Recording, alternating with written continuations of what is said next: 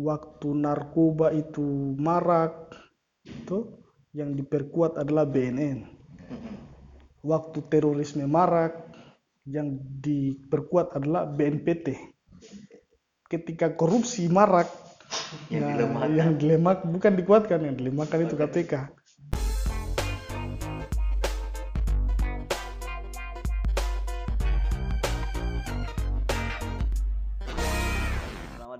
kembali di Low Life Podcast.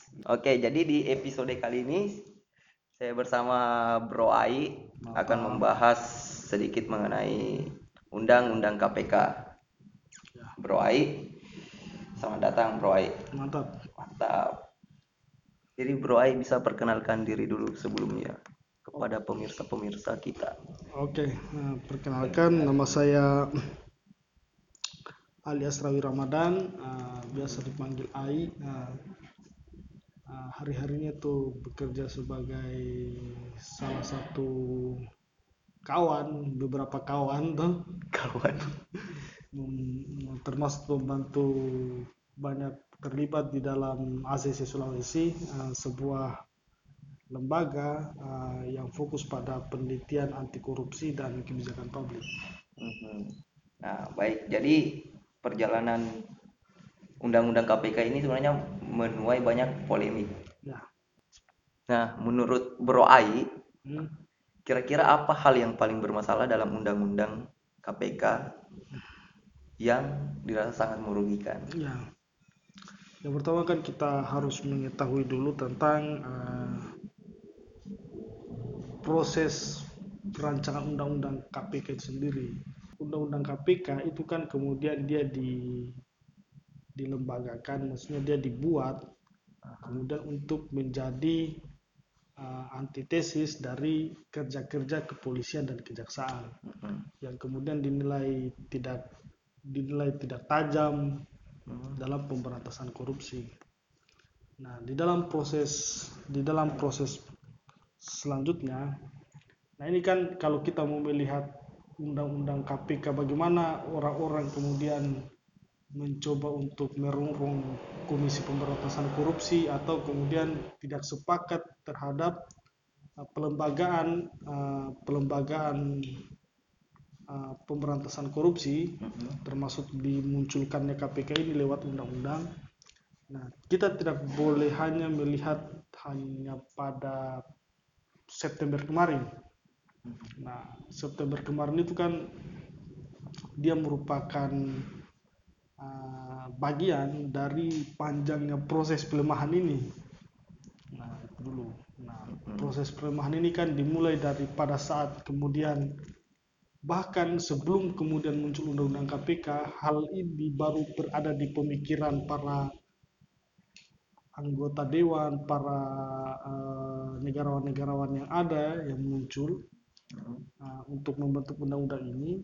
Nah, itu sudah mendapatkan perlawanan di lingkaran legislatif. Nah, kemudian jadilah undang-undang KPK. Kewenangan KPK juga sudah dikuatkan bahwa dia merupakan lembaga independen dengan kewenangan yang luas. Nah, tapi tidak hanya serangan terhadap undang-undang. Nah, maksudnya karena KPK ini kuat, kemudian kewenangannya juga kuat. Nah, di beberapa hal misalnya kemacam orang-orang yang tidak sepakat terhadap munculnya KPK ini, penyerangannya ada bermacam-macam. Mhm. Maksudnya kita bisa melihat bahwa uh, rongrongannya itu mas yang pertama misalnya uh, misalnya yang pertama bahwa KPK ini biasanya kemudian diberikan anggaran yang kurang Tuh, jadi membuat agenda pemberantasan korupsi juga itu kurang maksimal misalnya kemudian teror terhadap penyidik dan pemimpin KPK kemudian ada juga serangan dari legislatif melalui uh, melalui legislative review atau kemudian lewat judicial review. Nah, di beberapa banyak undang-undang, undang-undang KPK ini merupakan salah satu undang-undang yang paling banyak diuji di Mahkamah Konstitusi karena beberapa tahun yang lalu juga ada beberapa ketidaksepakatan terhadap uh, uh, klausul-klausul yang ada di Undang-Undang KPK itu sendiri. Nah, dan kali ini kemudian kelemahannya lewat uh, legislatif dengan agenda revisi yang kemudian formil, sangat hmm. formil dan materialnya itu sangat kontroversial karena kalau dilihat dari sisi formil itu beberapa peraturan pembentukan perundang-undangan itu beberapa hal di situ dilanggar. Bagaimana kemudian untuk membentuk rancangan membentuk undang-undang yang dilakukan oleh DPR untuk merevisi undang-undang KPK itu melanggar semua. Termasuk beberapa hal misalnya harus kemudian menghadirkan uh, harus kemudian lebih transparan kemudian harus dilakukan uji publik dan lain-lain itu kan uh, DPR itu kemudian tidak melibatkan secara baik masyarakat sipil begitu. Jadi ada beberapa pelanggaran yang dilakukan hmm, untuk syarat formil ya. Untuk syarat formil iya, undang-undang ya, Kalau kan nanti diperdebatkan lagi selanjutnya. Nah, pertanyaan selanjutnya adalah tentang setelah kemunculan dari undang-undang KPK ini, apa-apa saja masalah yang ditimbulkan setelah disahkannya undang-undang KPK? Sebenarnya beberapa sebenarnya mas undang-undang kan sekarang undang-undang KPK itu kan bukan lagi yang lama kan? sekarang undang-undang nomor 19 tahun 2019 nah tapi kalau kita lihat dari sisi masalahnya nah tentu kita baliknya kepada kewenangan-kewenangan yang yang dilemahkan. Bisa macam ada beberapa itu misalnya kalau dilihat bahwa KPK ini menjadi rumpun eksekutif Nah, maksudnya kalau KPK ini rumpun eksekutif, kita kan sudah tidak lagi berbicara pada ranah uh, pada ranah trias politika yang kita tidak lagi ber, maksudnya ketatanegaraan hari ini sistemnya kita tidak lagi bisa berbicara dengan konsep trias politika semasa Montesquieu, Montesquieu. kemarin. Tapi kan kita harus melihat perkembangan-perkembangan sistem ketatanegaraan yang terkini di dunia. Nah, misalnya kalau kita lihat bahwa uh, konsep konsep Montesquieu kemarin kan legislatif, eksekutif dan yudikatif. Nah, jadi kemudian dipercaya bahwa legislatif itu maksud eksekutif kemudian diawasi oleh legislatif. Nah, itu memang secara konseptual memang tidak sederhana, maksudnya dia sederhana. Tapi kalau dilihat dari seluruh perkembangan yang ada sampai saat ini ternyata eksekutif, yudikatif dan legislatif ini juga mempunyai masalah tersendiri Nah, dan kemudian sama korupnya juga. Nah, jadi kemudian dibutuhkan dibutuhkan lembaga independen untuk kemudian bisa mengawasi ini. Nah, ketiganya. Nah, karena kenapa? Karena seperti tadi saya bilang perkembangan ketatanegaraan ini juga harus dilihat secara secara baik. Nah, makanya muncullah beberapa lembaga independen yang coba untuk melakukan pengawasan terhadap ketiga lembaga ini. Makanya muncullah misalnya komisi judisial, ya bukan komisi judisial, misalnya muncullah komisi pemberantasan korupsi, muncullah ombudsman, muncullah kemudian beberapa komisi-komisi negara yang kemudian mencoba untuk memantau pergerakan dari maksudnya memantau kerja-kerja dari tiga lembaga ini eksekutif, yudikatif dan legislatif. Nah, kemudian kalau kita melihat bahwa bagaimana bermain, bagaimana kemudian KPK melihat, bagaimana kemudian KPK dilemahkan di kewenangan yang lainnya. Misalnya kita lihat bahwa ada sih beberapa macam, misalnya kita melihat adanya dilemahkanlah fungsi-fungsi penyadapan oleh KPK. Nah, saya kira fungsi penyadapan ini itu dia merupakan salah satu kan bukan hanya KPK kan yang yang mempunyai kewenangan untuk melakukan penyadapan. Ada BNN, BIN. Nah, ada semuanya. Macam tadi kita bilang ada BNN, ada BIN, ada kemudian kejaksaan juga bisa, polisi bisa, imigrasi bisa. Dan kemudian ada beberapa lembaga-lembaga yang lain yang diberikan kewenangan untuk melakukan penyidikan misalnya PPNS dan lain-lain. Mm-hmm. Nah hal-hal ini ini kemudian tidak boleh kemudian hanya maksudnya bukan kita tidak melarang untuk KPK diawasi kan. Mm-hmm.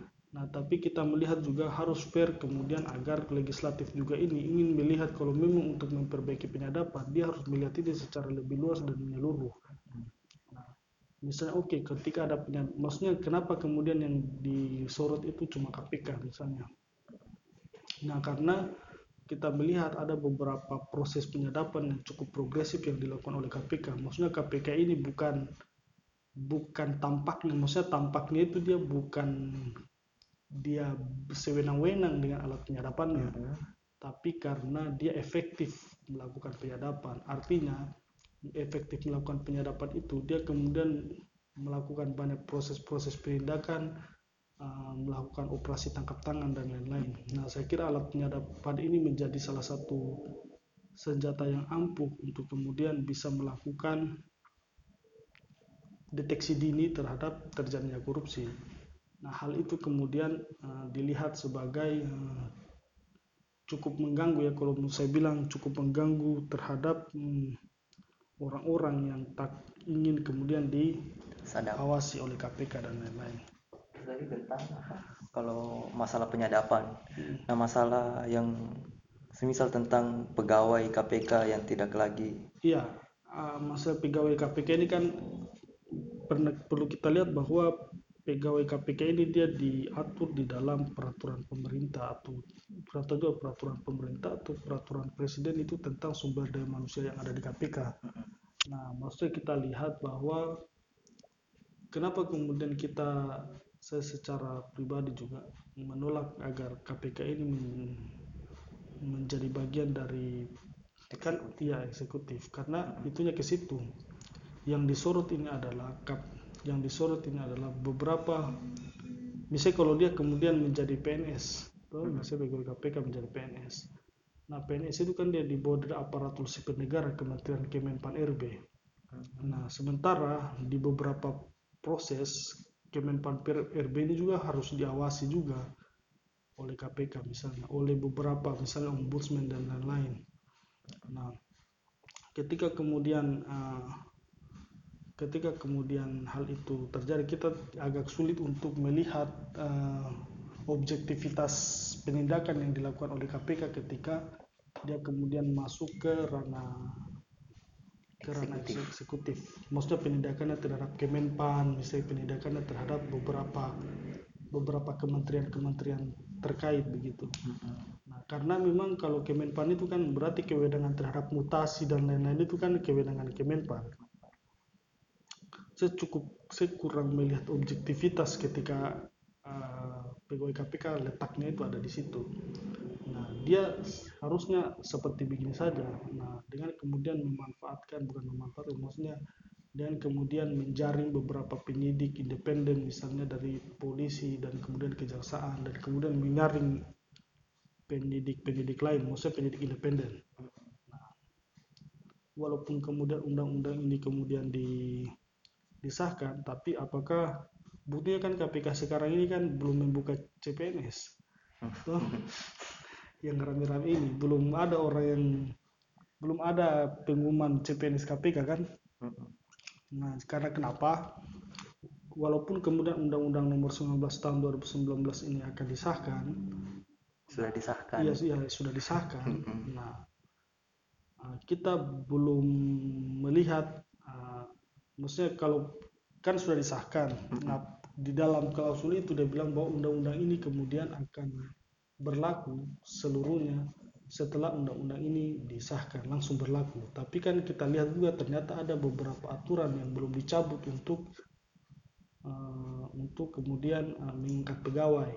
Misalnya undang-undang ini disahkan langsung berlaku menurutnya. Tapi ada beberapa undang-undang yang, yang tidak dicabut yang belum dicabut. Misalnya undang-undang bukan undang-undang peraturan lain. Misalnya undang-undang tentang SD peraturan tentang yang mengatur tentang sumber daya manusia yang ada di KPK Nah, jadi KPK sekarang belum bisa mengangkat CPNS karena hal itu. Karena ada peraturan lain yang belum dicabut. Dan sampai sekarang terbuka CPNS dan kemudian masalah dewan pengawas. Kan sampai sekarang kan kita belum lihat ada seleksi dewan pengawas oleh presiden maksudnya belum ada dewan belum ada uh, seleksi dewan pengawas dan artinya kita lihat bahwa terlebih lagi beberapa undang-undang yang undang-undang KPK ini kan ada terjadi kesalahan tulis dan lain-lain macam kesalahan tulis itu kan ada komisioner KPK kan yang sudah di, yang sudah terpilih dan terancam tidak dilantik. Nah, karena ada kesalahan tulisan, kesalahan redaksi di dalam undang-undang yang sudah disahkan itu. Nah, jadi ada tipu. Ya ada tipu. Nah, tipunya itu juga norak gitu. As, jadi prosesnya itu sekarang belum diangkat, belum belum dipilih oleh presiden dan lain-lain dan kita kurang tahu kapan.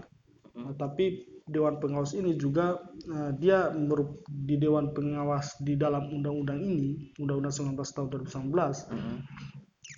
Itu kita melihat bahwa Dewan Pengawas ini dia terlalu mengambil proses-proses teknis yang ada di KPK.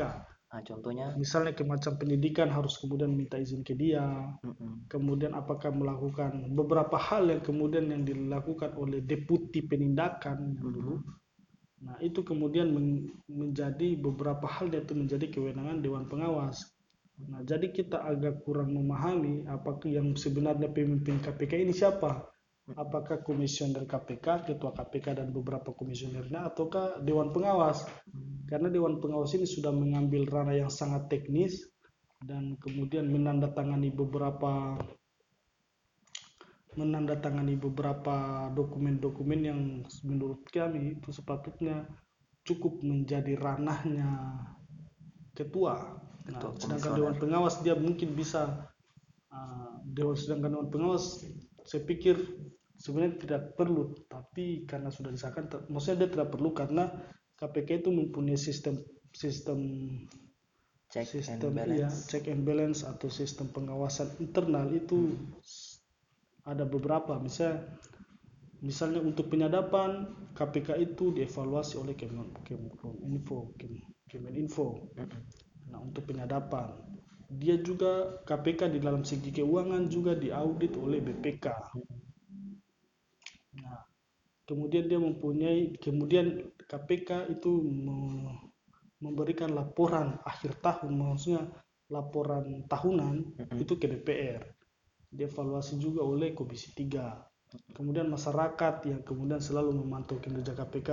Sedangkan di sistem internal KPK sendiri, itu pengawasannya yang pertama dia sudah punya Dewan Etik. Kemudian KPK, kemudian beberapa juga di komisi-komisi etik yang ada di KPK, Dewan Penasihat, Dewan Penasihat KPK. Beberapa pun yang Dewan Penasihat KPK ini sudah pernah juga bahkan menyidangkan komisioner-komisioner KPK yang lain karena melakukan beberapa pelanggaran. Nah, saya pikir itu sudah cukup untuk pengawasan seperti itu. Tapi kalau misalnya kita lihat Dewan Pengawas ini, saya pikir uh, merupakan bagian dari pelemahan juga sebenarnya. Pelemahan KPK. Kalau misalnya dari penyidik KPK, hmm. dia harus berasal dari Polri. Ya. Nah, misalnya kita melihat ketiganya ini, dia berpotensi intervensi. Hmm Nah, kira-kira bagaimana tentang penyidik KPK yang harus berasal dari Polri? Sebenarnya kalau sebenarnya tidak ada masalah sebenarnya dari Polri itu sebenarnya hmm. karena memang beberapa maksudnya cuma bukan bukan maksudnya masa ada masalah untuk kemudian penyidik diambil dari Polri tapi yang menjadi problematika di sini adalah KPK dilarang untuk mengambil penyidik independen yang bukan dari Polri, yang bukan dari jaksa. Jaksa. Nah, ini bu, ya yang hal-hal ini itu kemudian bisa menjadi uh, maksudnya kalaupun Polri masuk ke ranah KPK itu kan sudah ada banyak contoh novel Baswedan misalnya dari polisi mm-hmm. atau beberapa lain kemudian dari polisi cuma maksudnya uh, bisa ada dari jaksa ada loh misalnya jaksa kejaksa dari kejagung itu kemudian masuk menjadi penuntut umum di KPK. Ada juga misalnya yang jadi jaksa peneliti ataupun jaksa pendidik, ada juga. Nah, tapi kalau misalnya kita melihat bahwa kalau misalnya ke semua itu kan kita melihat bahwa kita tidak bisa pungkiri juga misalnya ada beberapa loyalitas loyalitas ganda ya yang kemudian bermain di uh, dalam internal KPK. Nah, nah tapi kan kenapa harus menjadi independen? Maksudnya kan penyidik independen ini kan kita melihat sebagai wadah masyarakat sipil untuk masuk ke dalam uh, KPK untuk mencoba untuk menjadi bagian di dalam uh, agenda pemberantasan korupsi. Nah, tapi kemudian kalau dilihat dari mana? Kalau dilihat dari konteks yang lain, misalnya KPK dilarang untuk mengangkat penyidik independen, nah saya pikir itu juga tidak tidak terlalu beralasan apa kalau itu apa alasannya kenapa kemudian KPK mengangkat penyelidik, penyidik dan penyelidik independen nah padahal kalau menurut be, be, kalau misalnya beberapa orang mengatakan bahwa karena untuk apa kemudian mengangkat penyelidik penyelidik penyelidik independen ada polisi ada jaksa nah kalau begitu dibalik pertanyaannya lo kenapa Kenapa tidak mau mengangkat penyidik dan penyelidik independen? Nah, il ilmu penyidik dan penyelidik itu juga kan bisa dipelajari. Nah, sehingga kemudian bisa masuk bersama-sama menjadi bagian dari KPK. Nah, hal-hal seperti itu yang kemudian bisa di, dilihat bahwa penyidik independen juga itu cukup membantu terhadap keberlangsungan agenda pemberantasan korupsi yang ada di KPK. Jadi itu tadi poin-poin tentang kelemahan-kelemahan yang ada di Iya. undang-undang KPK. Nah, konsekuensi dan masa depan KPK kira-kira bagaimana? cukup sekarang kan kalau kita lihat secara kelembagaan kan saat ini uh, presiden itu lagi beberapa orang itu kemudian masih berharap presiden untuk mengeluarkan peraturan pemerintah pengganti undang-undang. Perpu. perpu. Dengan alasan kegentingan itu. Kegentingan itu kan uh, dilihat dari banyaknya protes kemudian yang dilancarkan oleh masyarakat. Kemudian KPK juga ini merupakan bagian hal terpenting yang kemudian harus diselesaikan polemiknya secepat mungkin karena kapan KPK itu masih mengambang-ambang kewenangannya dan lain-lain ini korupsi ini kan dia berjalan cepat Nah, seharusnya itu itu yang kemudian yang membuat agar KPK ini dikontrol Z begitu prosesnya dikontrol Z. Maksudnya kontrol Z itu dikembalikan lagi. Nah, sebenarnya itu masih bisa ketika kemudian uh, ketika kemudian presiden mengeluarkan peraturan pemerintah pengganti undang-undang Perpu. Nah, kemudian saat ini juga ada pengujian ada uji formil yang dilakukan oleh teman-teman masyarakat sipil yang lain itu terhadap Undang-Undang Nomor 19 ini. Nah, pengujian formil artinya aspek formil yang diuji itu kenapa muncul itu undang-undang, syarat-syaratnya apa. Ternyata kan kita sudah lihat beberapa syarat-syaratnya, misalnya syarat-syaratnya itu dia tidak melalui tahapan sebagaimana uh, tahapan membuat undang-undang yang konteks konteksnya itu dilekatkan pada undang-undang P3 arti pembentukan peraturan perundang-undangan. Nah, nah jadi itu uji formilnya. Nah, tapi kan walaupun kemarin kan ada juga yang sudah diputus. Intinya yang menguji undang-undang KPK ini ada banyak. Beberapa waktu yang lalu itu ada yang sudah diputus. Nah, dia putus karena hal ini lucu karena error in objecto. Maksudnya error, error in objecto itu yang dia uji bukan undang-undang KPK tapi tapi undang-undang perkawinan jadi ditolak dia secara formil di ya, Mahkamah Konstitusi nah tapi sekarang ini ada ada lagi yang menguji itu dari uh, di Jakarta itu teman-teman YLBHI dan lain-lain tuh Mm-mm. cewek nah dia mulai menguji dulu dalam aspek formil artinya asbabun nuzul munculnya ini undang-undang KPK yang baru ini itu melalui tahap yang bagaimana sesuai tidak dengan tahap peraturan P3. P3 itu. Nah, nanti kemudian mungkin akan muncul lagi misalnya aspek material, uji materialnya nanti. Tapi semoga saja kemudian itu bisa diterima oleh Mahkamah Konstitusi.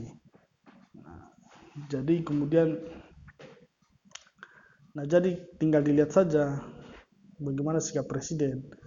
Nah, ada beberapa tokoh misalnya kayak Busro Mukodas itu kan dia sudah mengatakan bahwa uh, Presiden Jokowi itu tidak bisa dijadikan panutan, tidak bisa dijadikan panutan pemberantasan korupsi.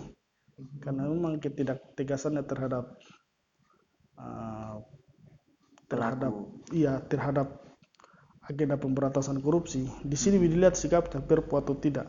Sebenarnya walaupun alasannya kan uh, alasan presiden kan kenapa dia tidak mau mengeluarkan perpu kan karena masih diuji di Mahkamah Konstitusi dia bilang tidak etik apa segala macam nah padahal sesuai dengan kewenangan presiden itu bisa dengan syarat-syarat yang sudah dipenuhi itu bisa kemudian melakukan peraturan pemerintah pengganti undang-undang mengeluarkan itu. Kalau misalnya bicara masa depan sebenarnya kan yang lemah di Indonesia ini bisa begini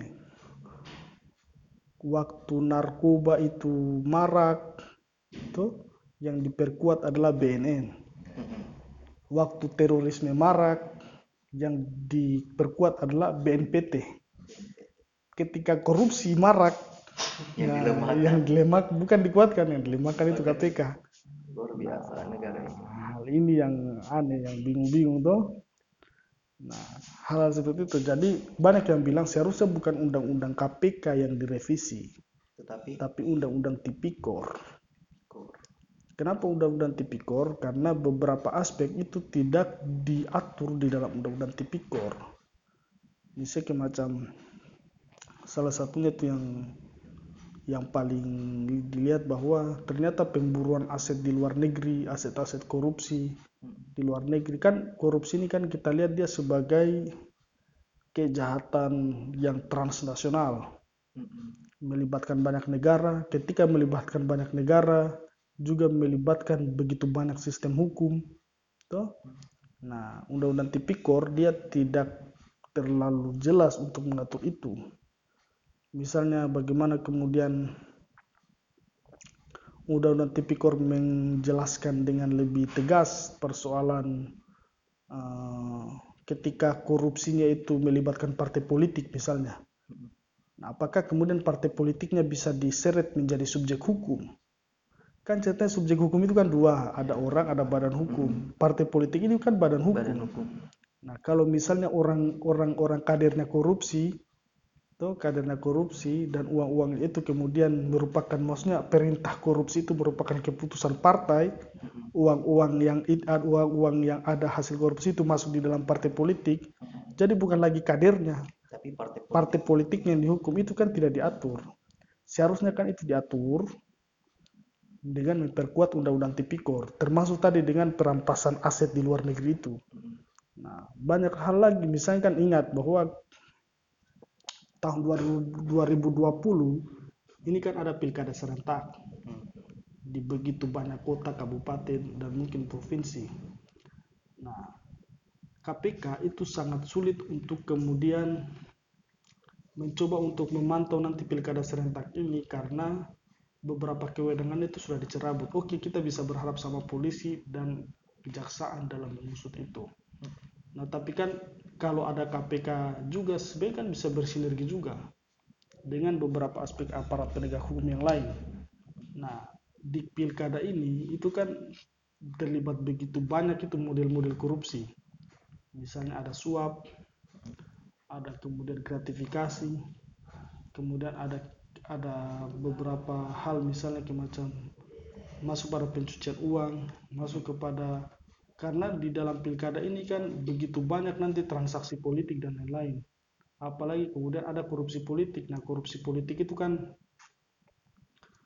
misalnya korupsi politik itu adalah pembancakan uang negara untuk aktivitas-aktivitas politik.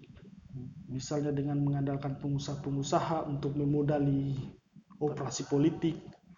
Nah, hal-hal itu kemudian harus mendapatkan perhatian khusus dari aparat penegak hukum. Tiga ini. Nah, tiga ini termasuk dengan Gakumdu. Gakumdu itu merupakan tim teknis yang dibentuk oleh Bawaslu, Kejaksaan, polisi itu untuk melihat adanya tindak pidana pemilu termasuk korupsi itu. Nah, hal-hal itu kemudian cukup membuat kita pesimis ketika penegak hukum yang lain ini tidak muncul, misalnya macam KPK ini. Tidak muncul dengan kewenangan-kewenangan yang terus-menerus tergerus. Nah, makanya Nah, tapi kita tunggu saja misalnya kalau misalnya presiden mempunyai sikap yang jelas terhadap pemberantasan korupsi perpu itu dikasih keluar dan kemudian kita melihat objektivitas dari Mahkamah Konstitusi nanti yang akan memutuskan supaya terkontrol Z semuanya ini. Jadi oke pertanyaan terakhir tentang undang-undang KPK ini. Ya. Saya kira terakhir bro. Jadi tentang Perpu, apakah Presiden peluang mengeluarkan Perpu ini bagaimana peluang Kayaknya Presiden pres- mengeluarkan Perpu? kayaknya kayaknya presiden ini cukup menantang ya. Maksudnya seharusnya kalau boleh dikata maksudnya perlawanan kawan-kawan itu saya pikir perlu dikencangkan ya karena sebenarnya kita kita ini kan bagian dari bagian dari yang berlawan kemarin. Nah hal itu sebenarnya perlu ada oh gitu. Jangan tidur lah. Kenapa saya kenapa kita semua ikut tidur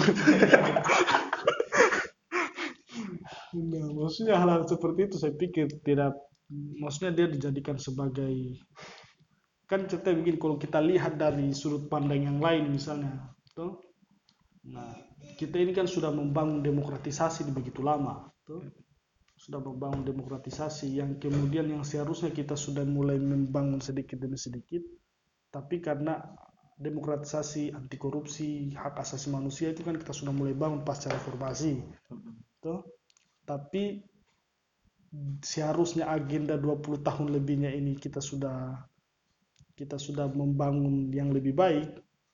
Tapi karena ada undang-undang KPK muncullah beberapa undang-undang yang bermasalah juga ini secara harkat dan martabat tuh dan pandangan kita terhadap kemanusiaan. Maka di proses yang kita sudah bangun ini kita harus memulai dari awal Nah, padahal seharusnya itu yang menjadi pemantik semangatnya kita itu bagaimana kemudian Hong Kong begitu berhasil dalam agenda pemberantasan korupsinya, bagaimana Singapura juga berhasil itu adalah karena penguatan-penguatan lembaga-lembaga independen ini.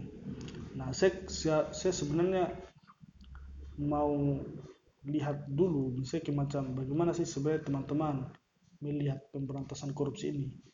Apakah dia menjadi masalah uh, institusional sajakah?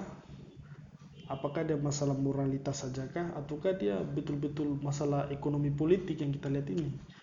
Nah, kalau misalnya kita melihat ekonomi politik, misalnya macam muncullah beberapa oligarki-oligarki yang berusaha untuk uh, mengambil sumber daya alam dengan kelemahan institusi, itu justru akan semakin parah karena tanpa ada KPK pun misalnya atau masyarakat sipil yang memantau pun sebenarnya itu bisa dengan segala macam privilege-nya tuh. Nah, itu kemudian bisa mengambil dan membancak sumber-sumber daya negara, sumber daya nasional, termasuk sumber daya manusia dan sumber daya apa begitu tuh. Nah, tapi kan hal ini kan tidak cukup sampai di sini saja. Nah, maksudnya kita cukup sampai di sini itu artinya intinya kita memperkuat kembali gerakan memperkuat kembali barisan kita. Karena saya yakin orang-orang ini kan tidak akan berhenti nih hanya pada sampai di sini saja. Nah ingat bahwa kita juga harus melihat secara lebih jernih. Nah karena KPK dilemahkan dan lain-lain itu kan merupakan bagian dari uh, bangkitnya kekuatan oligarki karena beberapa hal kemudian dirongrong saya macam pertambangan sudah dimulai dirapikan sistemnya. Atau beberapa hal memang perizinan dan lain-lain itu kan. Apalagi kemudian kita terbentur dengan proyek investasi ini. Nah proyek investasi ini kalau dilemahkan penegakan hukumnya maka dia juga akan semakin liar. Nah artinya kalau lemah penegakan hukumnya maka uh, lemah juga kontrol masyarakat sipil Nah, kontrol masyarakat sipil yang lemah, penegakan hukum yang lemah, maka proses penindasan itu pasti akan semakin semakin ngeri nantinya. Nah, akan semakin ngeri itu karena tidak ada yang bisa mengoreksi, tidak lagi yang bisa mengoreksi hal-hal ini. Nah, saya pikir jalannya itu masih panjang panjang makanya dilihat seperti belajarlah misalnya dari beberapa negara yang berhasil pemberantasan korupsinya yang cukup berhasil. Denmark. Pokoknya harus bercermin pada negara-negara yang berhasil itu. Proses-proses misalnya Denmark. Itu dengan KPK-nya sendiri. Bagaimana sistemnya? Begitu saya pikir. Dia harus melihat juga misalnya di negara Skandinavia yang maju terhadap pelayanan publik tuh yang maju pelayanan publiknya. Singapura apa nah Indonesia kalau di sini di sini terus ini kita cuma bisa membanggakan nasionalismenya kita NKRI harga mati. Nah saya di situ dulu kawan-kawan. NKRI harga mati. Nah pokoknya yang diagung-agungkan dari Sabang sampai Merauke gitu ya. Padahal Sabang sampai Merauke itu masalah semua itu. Tapi tidak disinggung di lagu itu. Nah cuma berjajar pulau-pulau yang ada. Iya nah, begitu kawan-kawan. Jadi sekian episode kali ini bersama Bro Ai. Terima kasih Bro Ai. Semoga kita bisa bertemu di lain waktu. Mantap. Mantap